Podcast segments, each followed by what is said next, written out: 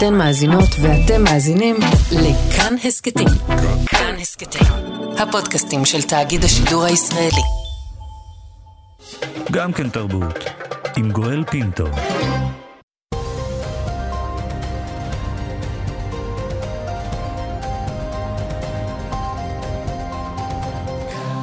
כאן רשת ב', כל ישראל מירושלים, שלום רב.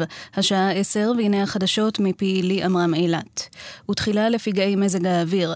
ברחוב פרופס בצפון תל אביב נפער בור גדול בכביש. המשטרה חסמה את הכביש והנהגים מתבקשים לנסוע בדרכים חלופיות.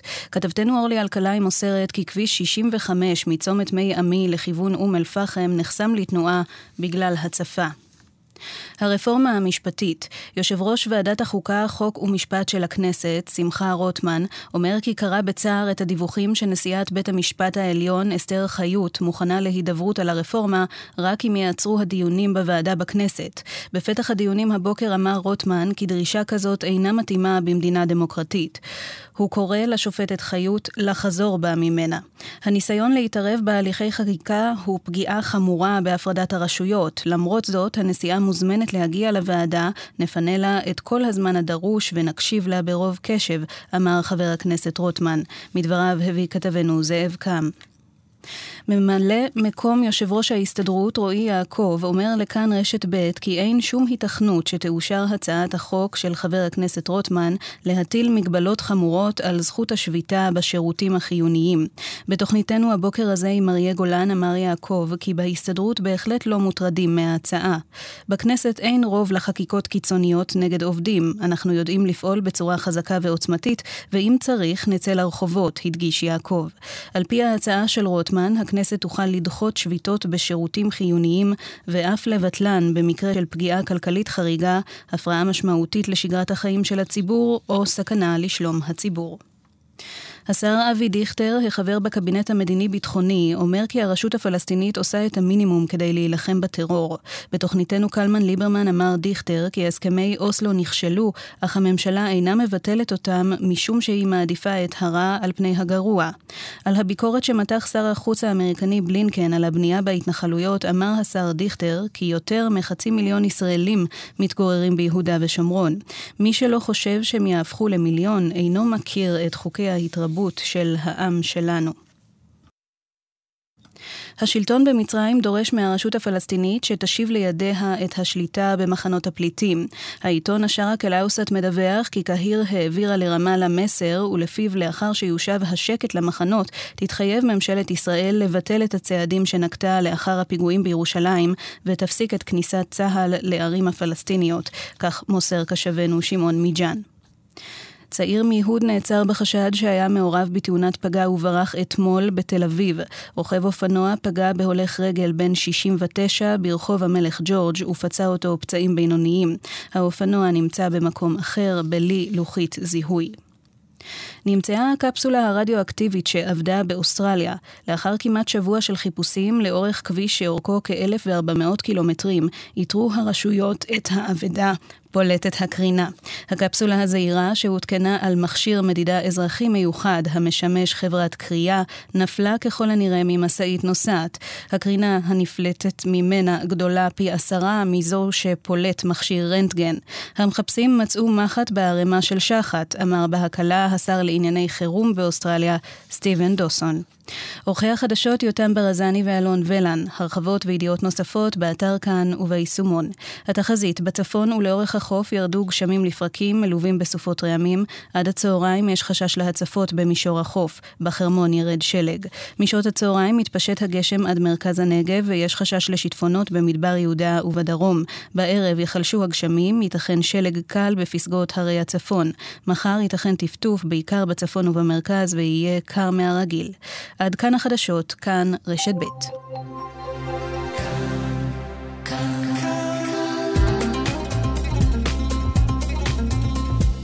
כאן תרבות. מעניין אותי מה קורה בתרבות. עכשיו, גם כן תרבות. כאן תרבות. גם כן תרבות. עם גואל פינטו.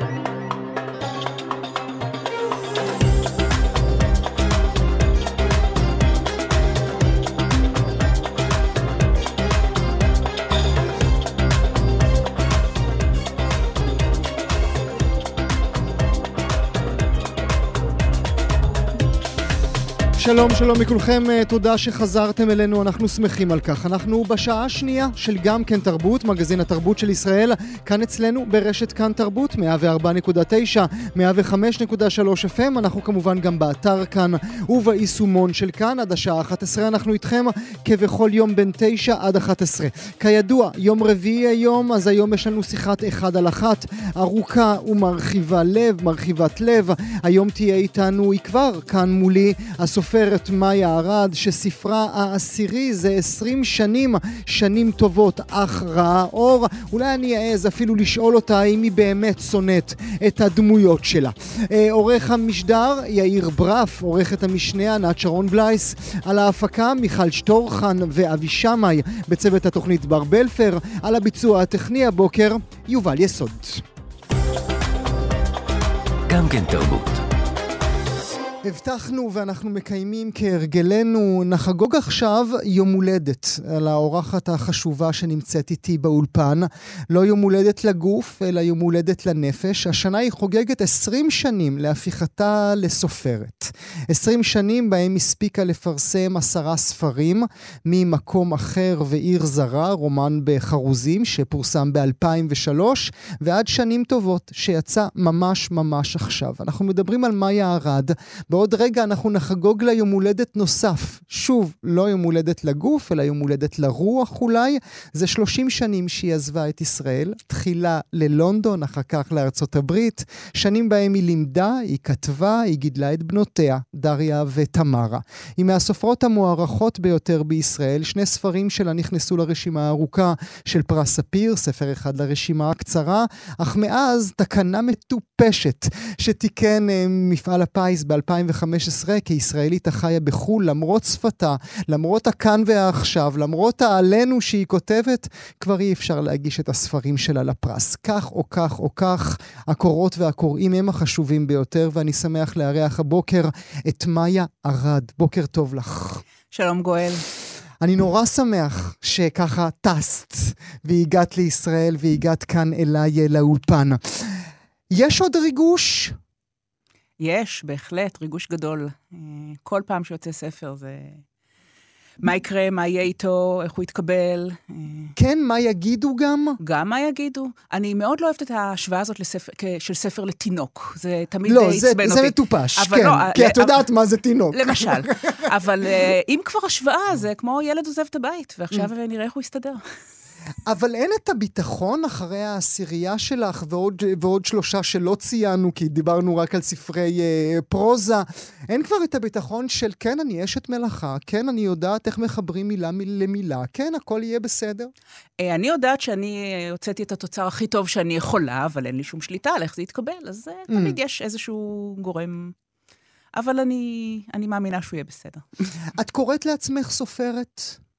כן, בטח. כן, לזה הגעת זה לקח כבר. זמן, אבל כן. לתפיסה הזאת את כבר נמצאת כן, שם. כן. אנחנו מדברים על, אנחנו נדבר על הרבה דברים, אבל שנים טובות שאך אה, סיימתי הלילה אה, לקרוא. מדובר ברומן מענג, אם אפשר לקרוא לזה. התכסיס שלו, של אותה אישה שבמשך 50 שנים, מ-66 ועד 2016, שולחת לחברות שלה את השנה הטובה. חצי אמת, חצי בדיה, חצי עיגולי, אה, עיגולי פינות, אה, כן, טוב, גם כשרע לי, וכולי וכולי, הפסאדה הזו שכולנו אה, עוטים על עצמנו. מתי זה נולד? מהו הרגע שאמרת, שנות טובות? אז באמת, אה, אתה יודע, יש ספרים שאני לא יכולה להגיד, ויש ספרים שיש להם רגע של הולדת, ולספר הזה היה רגע של הולדת, זה היה מין אה, נסיעה בגשם זלעפות, כמו שהיום, בכביש, והמגבים עובדים קשה, אה, חזק, והכל מתפתל לי מול העיניים, ופתאום אני אומרת לרביאל, בן זוגי לידי, מה דעתך על ספר כזה של... אה, שעשוי כולו מגלויות שנה טובה. אני לא יודעת למה דווקא אז זה בא לי, אבל פשוט אני זוכרת שבא לי הרעיון, וזה היה בפברואר 2009, כלומר, אה, וואו. הספר הזה גם שבר איזה שיא. כי עד עכשיו היה לי שיא של עשר שנים בין שמופיע לי הרעיון בראש ועד שהספר בחוץ. ועכשיו זה השיא נשבר, הנה, זה הארוך ביותר. ובדרך יוצאים ספרים אחרים, בהחלט, זה לא שאת כן, יושבת כן, ושוקדת. כן, כן. תמיד אני, אני, אני מרגישה שאני צריכה עוד לעבור משהו, אני עוד לא בשלה לכתוב את זה, רגע, יש לי משהו אחר. Mm. ואז, אחרי שיצא קנאת סופרות, ממש הוא ירד לבית הדפוס, ואני הייתי צריכה, אפרופו דיברנו על ההתרגשות כשיוצא ספר, אז מה, מה הדבר הכי טוב להרגיע את ההתרגשות הזאת? להתחיל לעבוד על ספר חדש. את צוחקת עליי. ברור. לא מתחבאים מתחת לפיקה ולא רוצים... אבל זה לא יקדם אותי הלאה. אני למדתי את זה, אני חושבת, בספר השני שלי, שאותו לא ציינו, מחזה בחרוזים צדיק נעזב, שידעתי שאחרי התקבלות יפה של ספר ראשון, המטוטלת זזה לכיוון כן. השני. חייבים לשנוא אותך. אבל היא זזה מאוד חזק לכיוון השני, אבל אני כבר הייתי עמוק עמוק בעבודה על שבע מידות רעות, שזה ספר הפרוזה הראשון, וזה היה תרופה נפלאה. לא, אני כבר בכלל בספר הבא, עזבו אותי. ואז הבנת שאת צריכה אז לכתוב אני מיד. משתדלת, כן, מש- כן. הזכרת את שמו של בן זוגך. אה, קודם כל השם שלו. אם אני חשבתי שהשם שלי הוא שם נוראי, רביאל, what the fuck, מה זה רביאל? מה, שאני אספר את זה ברדיו כן, לכולם? כן, אה? כן, כן. אז קודם כל אני רוצה להגיד שבאמת, אה, גם אני חשבתי רביאל what the fuck, אבל הוא מאוד אוהב את שמו, אז איזה יופי, הוא בן אוקיי. אדם שחי ב... כן. אוקיי. Uh, טוב, הסיפור הקצר הוא שבזמן שקצת לפני שהוא נולד, אחותו שהייתה בכיתה א' או ב' ראתה בקבוק יין רויאל ושאלה, מה זה רביאל? ואז ההורים שלו אמרו, אה, זה דווקא שם uh, נחמד, כן? הנה, סיפרתי את זה ברדיו.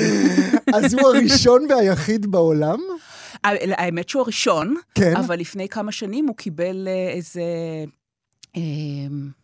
אימייל מ- שאומר, שלום, אני בחור בן 17 מנורבגיה, ושמי רביאל, ההורים שלי לא יכולים להסביר לי את אה, פירוש אה, שמי, אולי אתה יכול להסביר לי. אז הוא הסביר לו איך הוא קיבל את שמו, ואז אמר, אבל למה ההורים שלך לא יכולים אה, להסביר לך אם הם... אמר, כי הם לא נתנו לי את השם הזה, בחרתי אותו בעצמו אחרי שעשיתי שינוי מגדרי. וואו. וכן, אז יש, והוא בחר אותו כי הוא ראה, הוא אהב את הצליל רב, והוא ראה את שמו של רביאל, אז הוא החליט לקחת... מדהים, כן, זהו. מדהים, זה- מדהים, מדהים. נדבר על אה, רביאל, גם על האימא שלו, אם את תרשי לי, אה, בהחלט. בעוד אה, רגע ממש, אבל עוד, אה, עוד לפני כן. כאשר שנים טובות יוצא לאור, ועכשיו הוא יוצא לאור, כבר נכנס מיידית לרשימות רבי המכר, יש תחושה של אהבה? את יודעת לקבל את האהבה, או שאת לא יודעת להתמודד איתה? אני יודעת להתמודד ואני מאוד מאוד אסירת תודה עליה, באמת. Mm. זה... אה, בסופו של דבר, דיברת קודם על פרס ספיר, זה שטויות. אה, חשוב שהספר יגיע לקוראים, חשוב שאנשים יקראו אותו, חשוב שהוא יחיה, מהמם. ככה יהיה לו איזה שהם חיים אחרי ה... זה דבר שקצת מאוד, אתה יודע, אתה נכנס היום לחנות ספרים, ואתה מחפש ספר שהיה נגיד רב-מכר גדול לפני לא עשר ולא חמש עשרה, לפני חמש שנים, מהמם. קשה מאוד למצוא. איננו. אז במובן הזה, שאתה יודע שהוא יעמוד על, אה, ספר, בספריות, שאנשים יקראו אותו, זה, זה הכי חשוב לי. וכשאת אומרת זה שטויות, את באמת מתכוונת שזה שטויות? זאת אומרת, פרס ספיר, פרסים בכלל, בלי למנות בדבר עצמו. זה באמת לא דבר שאת חושקת בו? אה, זה היה נחמד, היא לא היה, אבל זה לא הדבר הכי חשוב. באמת, בסופו של, אה, אה, בסופו של דבר אה, יותר חשוב הקוראים, ההתקבלות. Mm. אה, אם היו נותנים לי...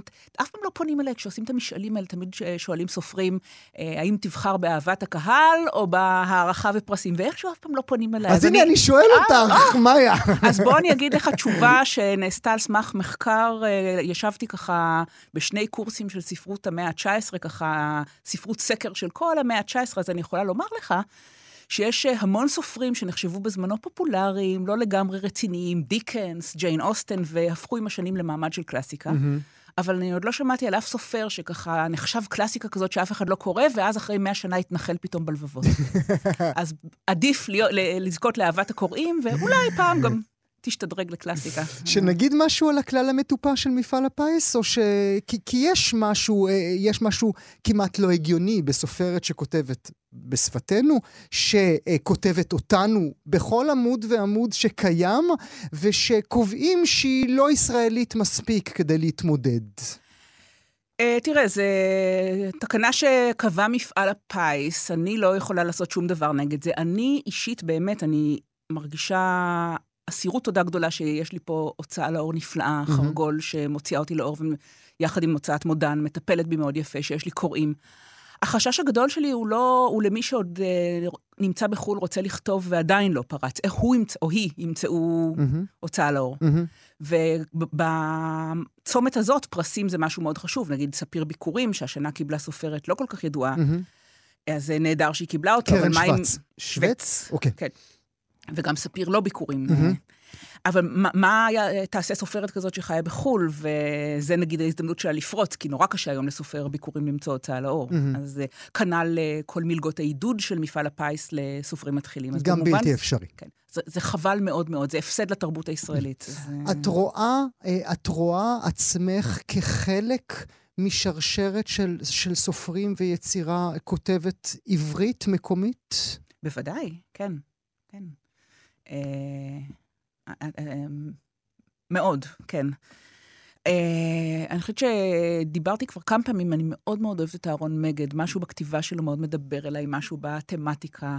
אני חושבת שהחי על המת זה הרומן העברי האהוב עליי. Mm. אה, אני מאוד אוהבת את חנוך לוין. אה, כמובן, את אה, עוז יהושע. Hmm. השילוש. הדיאדה. עדיה, אוקיי. עוז יהושע, אמרנו עוז יהושע, שאינם כבר איתנו. כן, אבל אני מאוד מרגישה חלק מהספרות העברית. אני אוהבת גם את הספרים של בני דורי, בואו לא נתחיל פה עם. שמות. אה, כמובן, כן. כמובן. אז אה, אני, ואני אני מאוד מרגישה חלק מזה.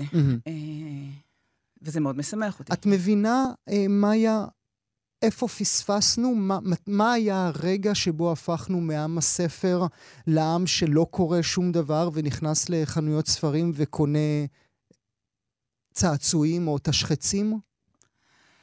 וואו, זו שאלה כזאת קשה, כי כל התשובות שאני יכולה להגיד יהיו קלות מדי. אתה יודע, אני אגיד אה, נטפליקס, אני אגיד פייסבוק, זה הכל קל מדי. מהמם. זה... אני כן מרגישה, אני חושבת שגם כתבתי את זה בקנאת סופרות, שבשנים שבהם אני התבגרתי, שבהן עוצב העולם שלי, אז היה, כן היה לספרות ולקריאה מעמד אחר. אה, קצת מעמד כמו שיש היום לסדרה מדוברת. אז. אה, גם אם אתה לא בדיוק ראית את הלוטוס הלבן או את יורשים, אז אתה תשמע דיבורים על זה, אתה Yes. תדע. שהדבר קיים. בדיוק. מהמם.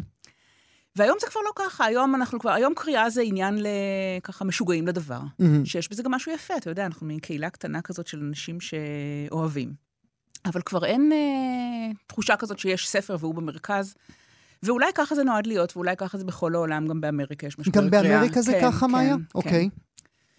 אמ, ואולי באמת הקריאה תיכנס למקום הטבעי שלה, אתה יודע, היא קיבלה קצת, אה, הספרות קיבלה איזה מעמד קצת בגלל מקומה בתחייה הלאומית. ובמעמד קצת מעל... כן, אל תגזימו, אתם לא באמת...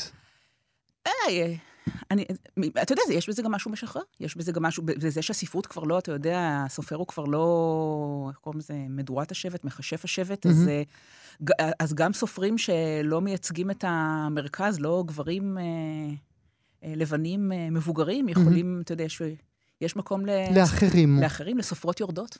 כן, אבל נדמה לי שאמרת פעם, מאיה, אם את מרשה לי, אה, אולי הציטוט לא יהיה נכון, אז תתקני אותי אה, כמובן. את אומרת שבעצם הקאנון השתנה, או הרגלי הקריאה שלנו, או העובדה שהספר לא נמצא במר... בלב העולם שלנו, זה דווקא עם כניסתן של נשים אה, שהפכו לנשים כותבות, לנשים סופרות. כי כל עוד זה היה גברים סופרים, אז היה מין משהו מאוד מכובד, גדול ויפה כזה, וחשוב, אבל עם כניסתן של נשים סופרות, פתאום המעמד הלך ופחת. אז קודם כל, באמת, אה, לא אני הסופרת מאיה ארד אמרה את זה, אלא חוקרת אה, אה, אחינועם אה, ב- בספר קנאת סופרות, מהמם. והיא היא מנסה להסביר את המהלך שהלך כאן. הדבר שאני כן מוכנה להתחייב עליו הוא שכן, אז היה איזשהו מהלך של סגירה. היה, בשנות ה-80 היה תחושה שכשספר מתקבל, אז יש סביבו משהו שהמילה בז לא מתחילה לתאר אפילו. אני זוכרת, אני הייתי בכיתה אה, ט', אני חושבת, כשיצא זיכרון דברים של יעקב שבתאי, אני זוכרת מה זה היה. שנה אחר כך, אה, עיין ערך אהבה של דוד גרוסמן, זה באמת היה מין רעידת אדמה. והיום אין יותר רעידות אדמה כאלה, יש רק מין ספר שמתקבל יפה, ואחר שמתקבל יפה, וכן יש איזו תחושה של נסגר איזה מהלך בספרות העברית, מהלך שהיה פתוח, אתה יודע, שעם, אולי עם הקמת המדינה, יש מין ספרות ארץ ישראלית, ונסגר. עכשיו, לגב, אה, אני לא... לגב, בוא נחזור למה שטוענת אה, אחינועם, בהנחה שאני עוד אה, זוכרת את זה מקנאת סופרות, אני חושבת שמה שהיא ניסתה לומר זה, זה לא שככה אה, נסגר הקנון ו... אה, אה, כל- עוד, כל עוד היו גברים, אז היה הקנון סגור, אלא בדיוק להפך, כאילו, ממילא נסגר כבר הקנון, ממילא מי ש... אה, אה, יתקבל מעכשיו, לא יזכה לאיזו התקבלות קנונית כמו פעם, אז יאללה, כבר שיבואו כולם, שיבואו אנשים, שיבואו ערבים, שיבואו המזרחים, שיבואו היורדים. אה, ובעצם, אה, אני חושבת שהציטוט שהיא אומרת שם, זה לא האנשים ככה עלו על הבריקדות ושברו את שערי הקנון, אלא שערי הקנון נפלו וכבר לאף אחד לא אכפת. לאף אחד לא אכפת מי ייכנס דרכם. אה, אני, אני קראתי את שנים טובות כסיפורה של אישה אה, מתביישת. מעניין. ואני רוצה לדעת אם בעינייך מהותה של נשיות היא אה, התביישות. התביישות בחוויות אה, ולקיחת אשמה על דברים שקרו לה לא באשמתה, של זוועות שחוללו בגופה. לא באשמתה, של ילדים, אפס, שלא הלכו בתלם, לא באשמתה, אבל כל הזמן עול העולם עליה, ואין לה ברירה לאישה הזאת אלא לספר לעצמה סיפור, ודרך זה גם לספר לחברות שלה סיפורים. זה אה, מאוד מעניין מה שאמרת הרגע על הנשיות וההתביישות. אני לא חשבתי על זה, אבל זה נשמע לי מאוד מאוד הגיוני. כן, לאה בהחלט מרגישה, ודאי שאם היא אה, ככה... נראית טוב ומושכת גברים, אז היא זאת שצריכה לשאת באשמה עם... אה, היא אשמה שמישהו נגע בה. למשל. Mm-hmm. וודאי שהיא אשמה שהיא לא, פתח מרכאות, התחתנה טוב, סגור מרכאות, ואז אה, נאלצה להתגרש ונאלצה לגדל לבד את שני ילדיה, ושעשתה עבודה לדעתי לא רעה בכלל, mm-hmm. בנסיבות וביכולות שלה. Mm-hmm. וכן, וה... אני חושבת שזה באמת אה, גם ספר על uh, מעמד, כמה שזה מוזר. אנחנו תמיד אומרים, ישראל חברה לא מעמדית. אין בכלל מעמדות. ובמובן, זה נכון במובן הזה שאין לנו אצילים עם אחוזות שעוברות בירושה, אבל יש סממני מעמד, והיא מדברת על החברות בסמינר, שהן mm-hmm. בנות, אה, צבריות, בנות לוותיקים בארץ, שמצאו לעצמן אה, אה, משרות בבתי ספר במרכז, ועליה הסתכלו מלמעלה, הם קראו לה הרומניה. Mm-hmm. אה, צחקו על עגילי הזהב באוזניה, שזה היה מין, לפחות בשנות ה-60, היה סממן מאוד מבדיל בין הצבריות לבין mm-hmm, ה... Mm-hmm. וכמובן, היא, בלי פרוטקציה, נשלחה ללמד בעיירת פיתוח. וכל המכתבים האלה בעצם, אנחנו יכולים לשאול את עצמנו, הרי אלה לא באמת חברות שלה, חוץ ממירה, כן. שאלה היא שולחת את הנ"ב האחרון. Mm-hmm. למה כל כך חשוב לך לכתוב לכל החברות האלה, לספר להן כמה כן. את מצליחה באמריקה? כן. זה חשוב לה. למה היא חש... כותבת? מה היה? זה נורא חשוב.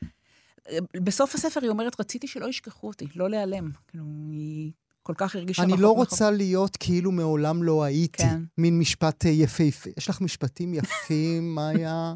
תגידי, הכתיבה שלך קשה או קלה? זה נורא נורא תלוי בספר. אני לי... שואל את זה אפרופו המשפטים היפים 아. אה. שלך.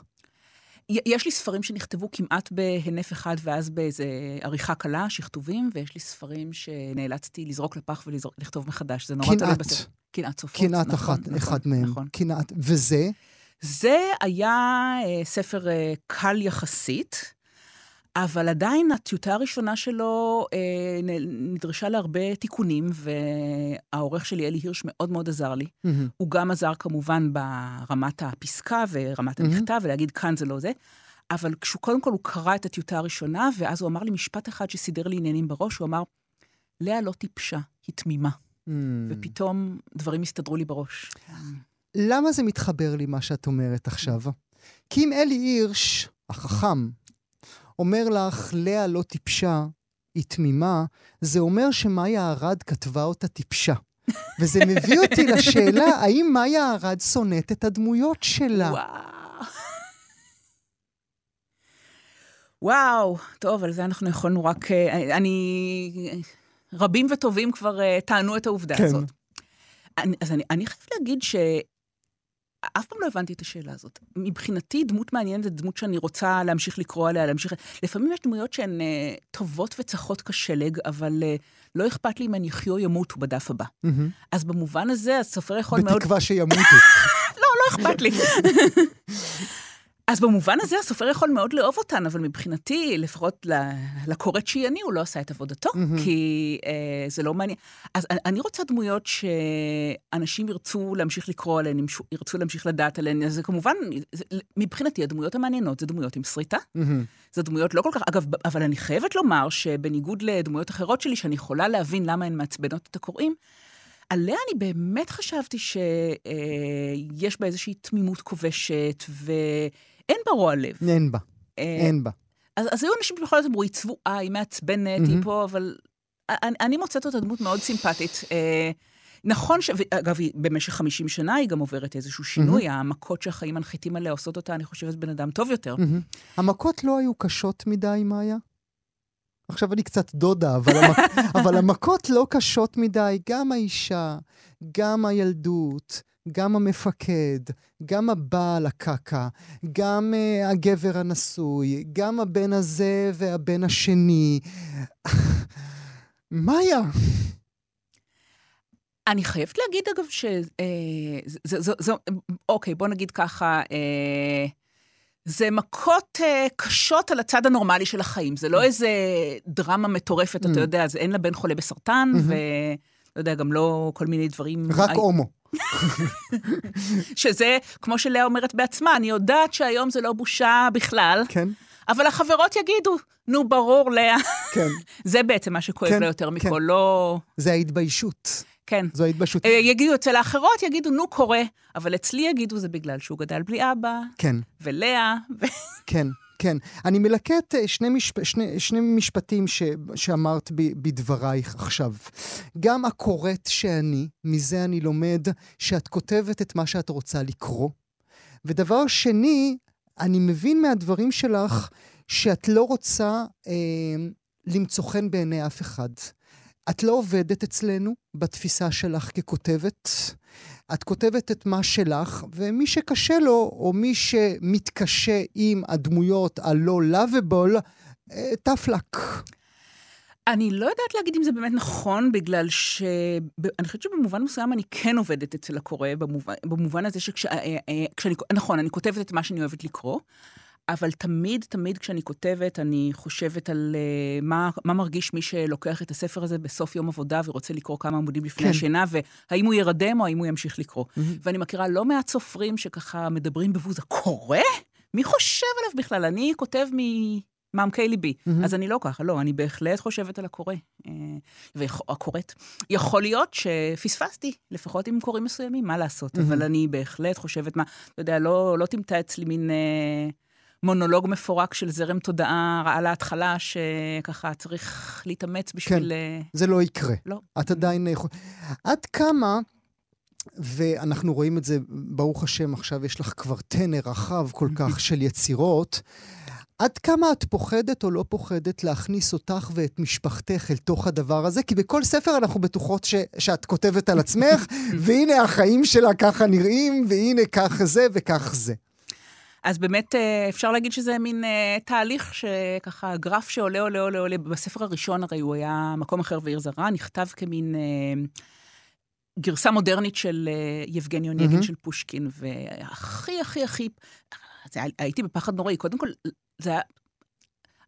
לא יצאתי מהארון אה, פשוטו כמשמעו, אז אני מתביישת, לא נעים לי להשוות, כי אני לא הייתי שם, אבל זה היה סוג של יציאה מהארון, לקום ולהגיד, אני סופרת. מהמם. פשוט אה, ככה, עוד, עוד התחבאתי מאחורי הכיסוי של הבלשנית, ככה, כן? לא, אני הבלשנית. הדוקטור. הדוקטור, כן, אני הבלשנית שכתבה איזה ספר. מהמם. כאילו, ופה שאלתי אם אני מגדירה את עצמי כסופרת, זה היה תהליך? מהמם. כן, אני סופרת. אה, אז אה, הייתי בהיסטריה, ספר ראשון, כולם יודעים שזה אוטוביוגרפי.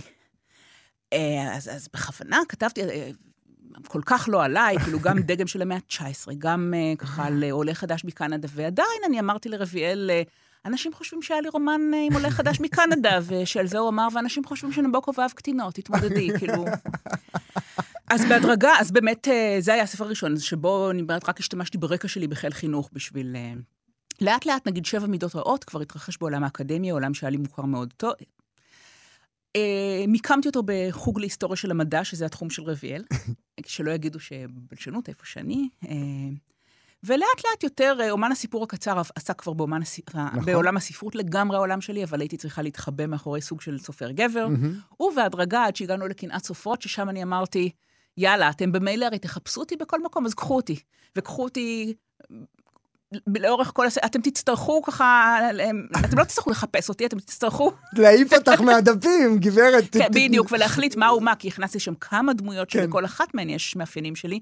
יש את אה, אביגיל הגיבורה, מהמם. ואביגיל הנמזיס שלה, שחיה מהמם. בקליפורניה, ויש את טל, שהיא מראשון לציון, ואימא של הפסיכולוגית. אה, הכנסתי שם, אה, ברוך השם. וזה משחק שאת משחקת בטח, איתנו? בשמחה, כי? בכיף. כי? זה נורא נחמד.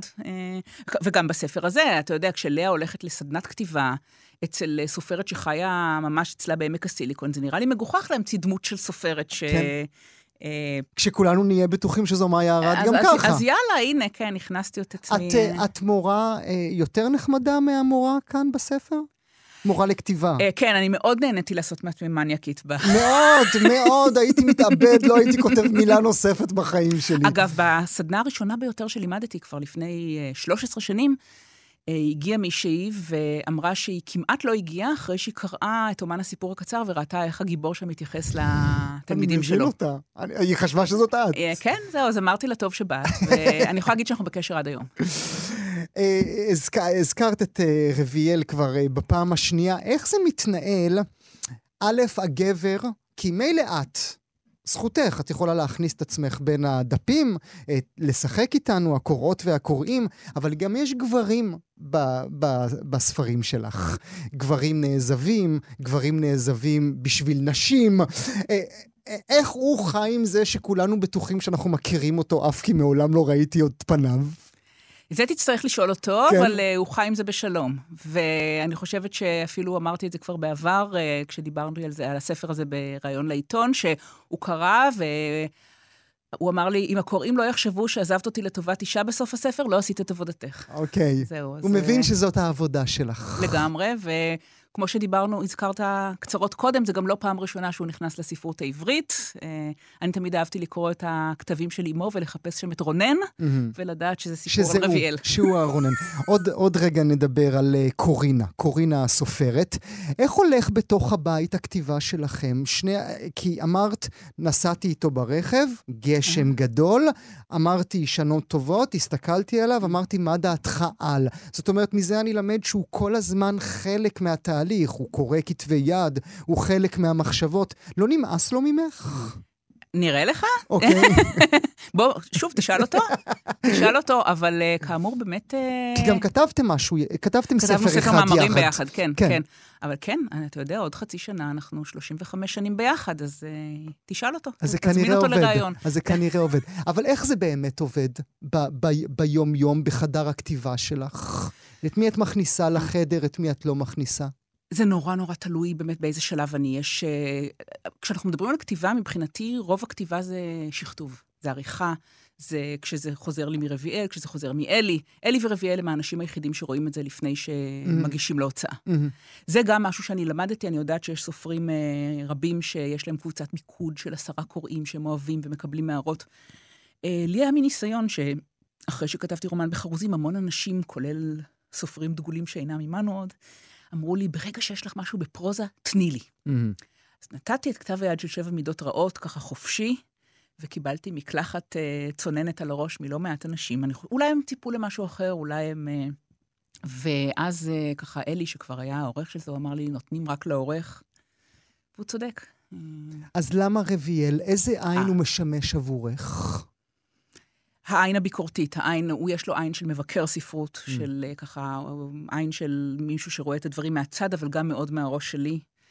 אה, נועם חומסקי, שלקחתי אצלו פעם שיעורים, אה, היה לו את היכולת הזאת, אנשים היו אומרים שהוא היה אומר להם, אני יודע מה אתה רוצה להגיד, זה לא מה שאתה אומר, ואז הוא עוזר להם ככה אוקיי. להגיע למה שהם רוצים להגיד. וזה רביאל. כן.